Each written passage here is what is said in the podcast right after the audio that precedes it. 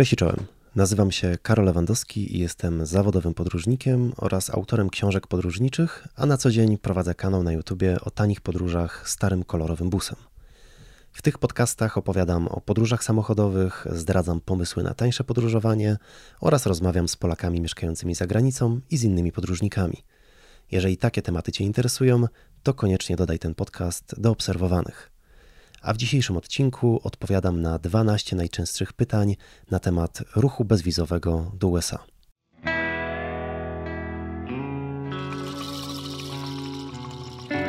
Do listopada 2019 roku podróż do Stanów wiązała się z wyrobieniem wizy turystycznej.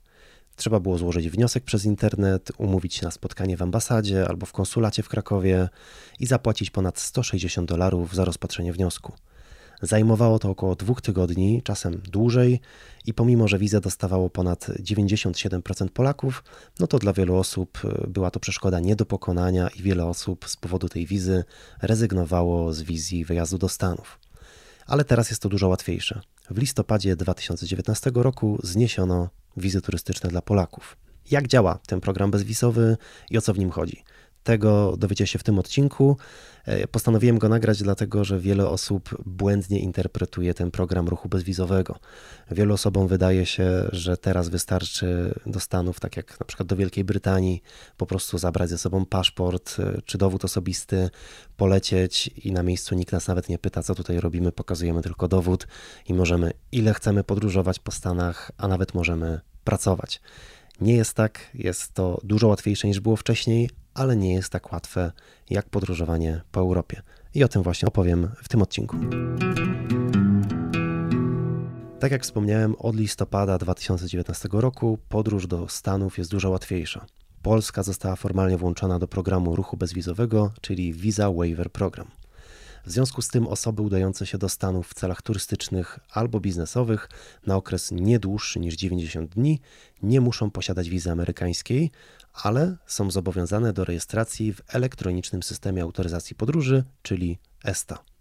Natomiast osoby, które planują pobyt w celu innym niż turystyczny, na przykład właśnie chcą tam popracować, albo chcą pojechać na work and travel, albo osoby, które planują pobyt dłuższy niż 90 dni, muszą posiadać wizę wydaną przez właściwego konsula Stanów Zjednoczonych i musi to być ta stara, klasyczna wiza turystyczna. Chyba, że jedziecie właśnie w innym celu, no to wtedy musi to być wiza na przykład pracownicza albo wiza work and travel.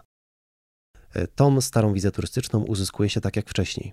Wniosek jest znacznie dłuższy niż ten wniosek ESTA, zawiera dużo więcej pytań, a procedura wygląda dokładnie tak jak wcześniej i dalej kosztuje to ponad 160 dolarów.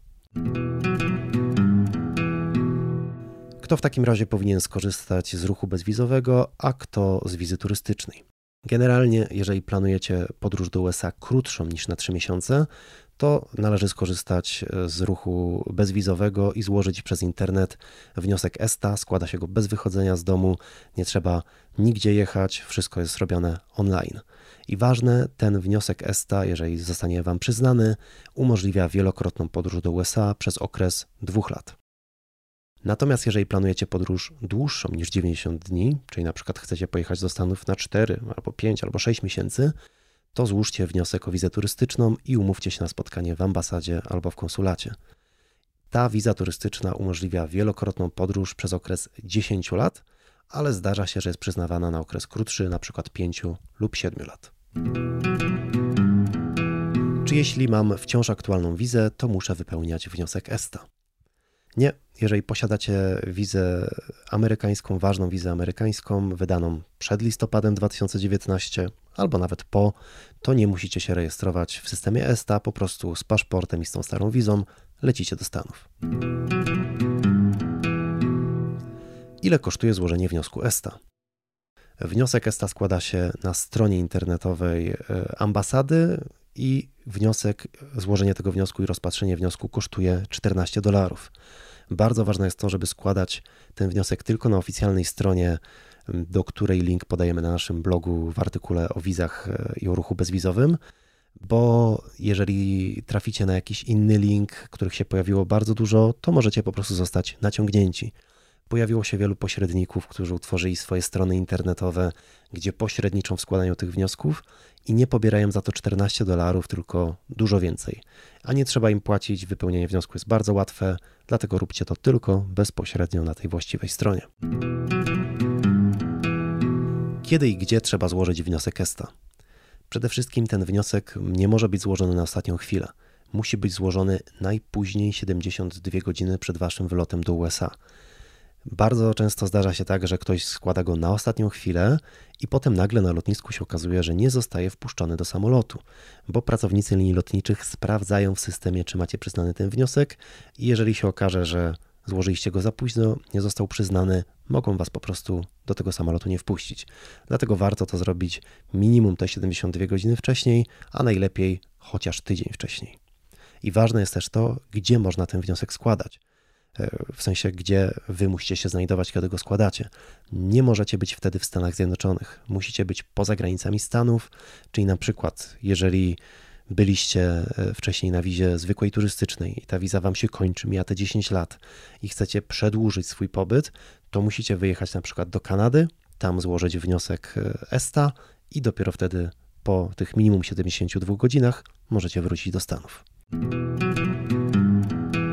Czy mogę przedłużyć mój pobyt w Stanach Zjednoczonych? Jeżeli mija Wam te 90 dni i chcielibyście przedłużyć swój pobyt, to niestety nie możecie tego zrobić. Jest to zastrzeżone tylko do wyjątkowych przypadków, do przyczyn losowych, jak na przykład utrata polskiego paszportu albo jakaś choroba, i wtedy faktycznie można przedłużyć i trzeba to zrobić kontaktując się telefonicznie z Wydziałem Imigracyjnym. Natomiast jeżeli nie ma tych szczególnych przyczyn losowych, no to po prostu musicie wyjechać ze Stanów i wrócić tam z powrotem.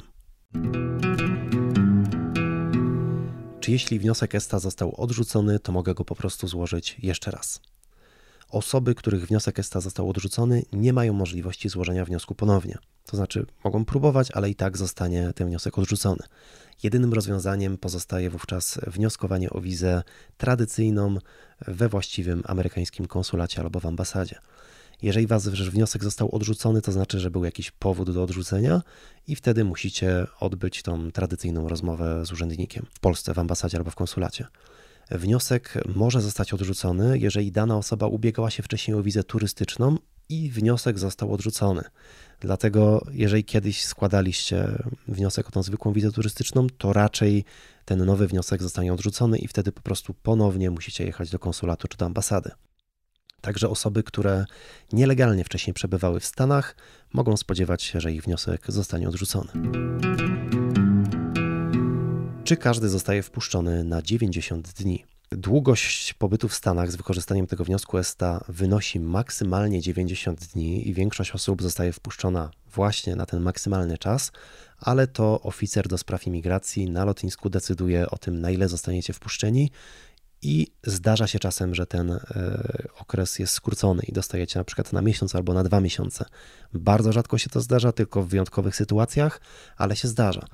I ważne jest też to, że właśnie dalej, nawet pomimo tego, że bierzemy udział w tym ruchu bezwizowym, to musimy odbyć tą rozmowę na lotnisku. Więc to nie jest tak, że sobie lądujemy z paszportem i po prostu wychodzimy i jesteśmy w Stanach.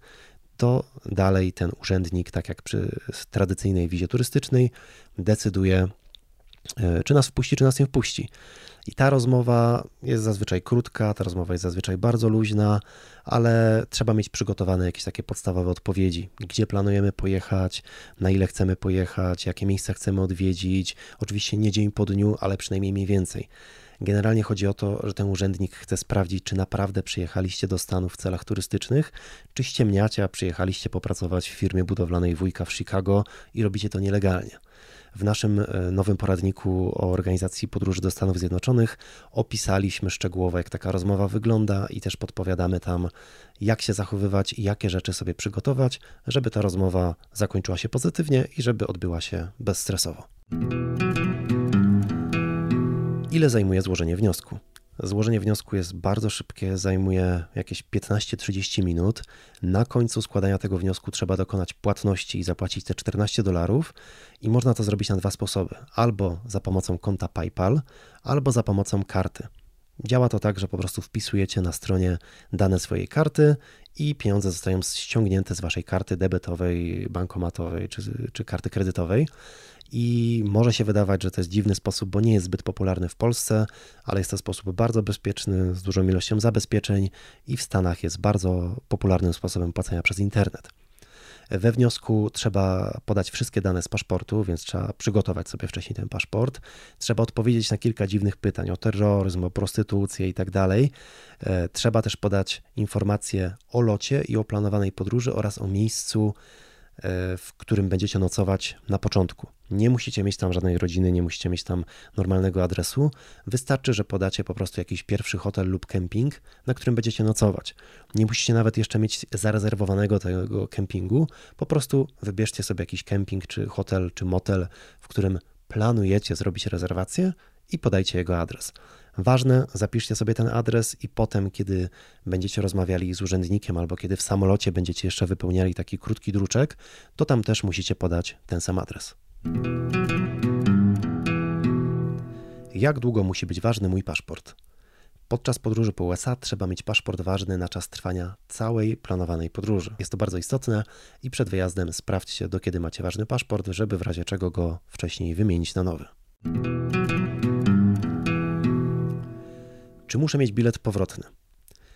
To jest bardzo częste pytanie i zgodnie z oficjalnymi informacjami podanymi na stronie gov.pl przy wjeździe do USA nie ma formalnego obowiązku okazania biletu powrotnego, ale może być on przydatny w razie jakichś wątpliwości urzędnika kontroli granicznej. Dlatego jeżeli wiecie, kiedy będziecie wracać, no to lepiej już sobie ten bilet przygotować i mieć go na telefonie albo go sobie wydrukować. I jeżeli się zdarzy, to zdarza się bardzo rzadko, że ten urzędnik będzie miał jakieś wątpliwości i dla niego będzie podejrzane, czy naprawdę przylatujecie tam na parę tygodni czy na parę miesięcy tylko w celach turystycznych i będzie się obawiał na przykład, że przylatujecie, żeby tam nielegalnie zamieszkać i pracować, to wtedy, jeżeli mu pokażecie bilet, to może wam to ułatwić sprawę. Ważne jest też to, że nie jest wymagane posiadanie jakiejś określonej ilości pieniędzy. Nie musicie mieć ani ze sobą określonej gotówki, ani określonej ilości pieniędzy na koncie, ale zdarza się, że urzędnik pyta po prostu, ile e, macie pieniędzy przeznaczonych na ten wyjazd, czy ile planujecie wydać, bo chcę po prostu zobaczyć, czy faktycznie ten wyjazd zaplanowaliście turystycznie i czy macie pojęcie o tym, ile ten wyjazd może kosztować.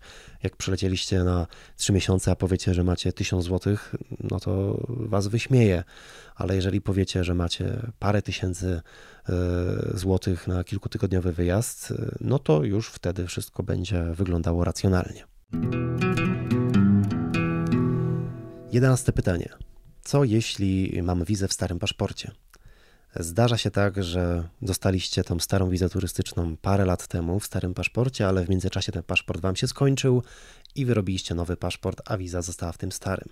Ja miałem taką sytuację kilka lat temu i od kilku lat podróżuję po prostu z dwoma paszportami. I tak to właśnie wygląda.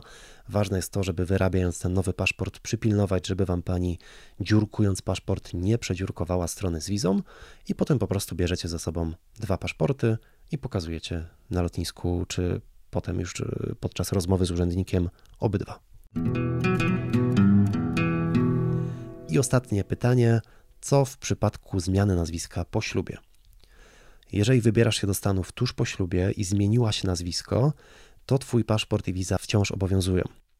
Wystarczy, że z lokalnego urzędu stanu cywilnego pobierzesz takie specjalne zaświadczenie o zawarciu małżeństwa i tam wtedy na tym zaświadczeniu będą informacje po polsku, ale będzie też tłumaczenie, tłumaczenie angielskie i będzie informacja o Twoim starym nazwisku i o Twoim nowym nazwisku. I o ten e, dokument możecie poprosić pracownik linii lotniczych albo urzędnik już na miejscu w USA.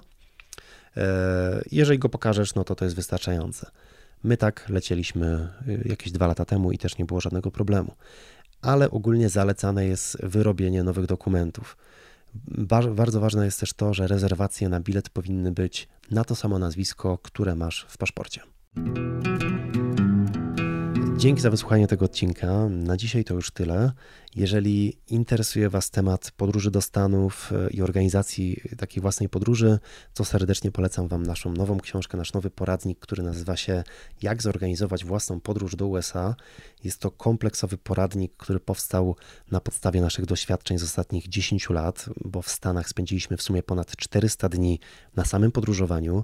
Mamy tych doświadczeń naprawdę bardzo dużo i napisaliśmy taki ponad 300-stronnicowy poradnik, który do kupienia znajdziecie tylko w naszym sklepie internetowym, czyli www.sklep.busemprzesświat.pl.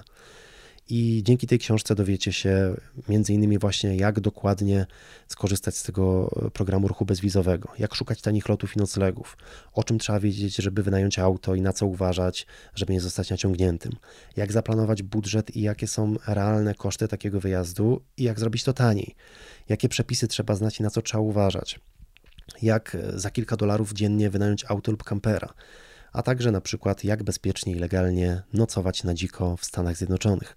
Poza tym w tej książce przygotowaliśmy też takie gotowe plany dwu- i czterotygodniowych podróży po USA.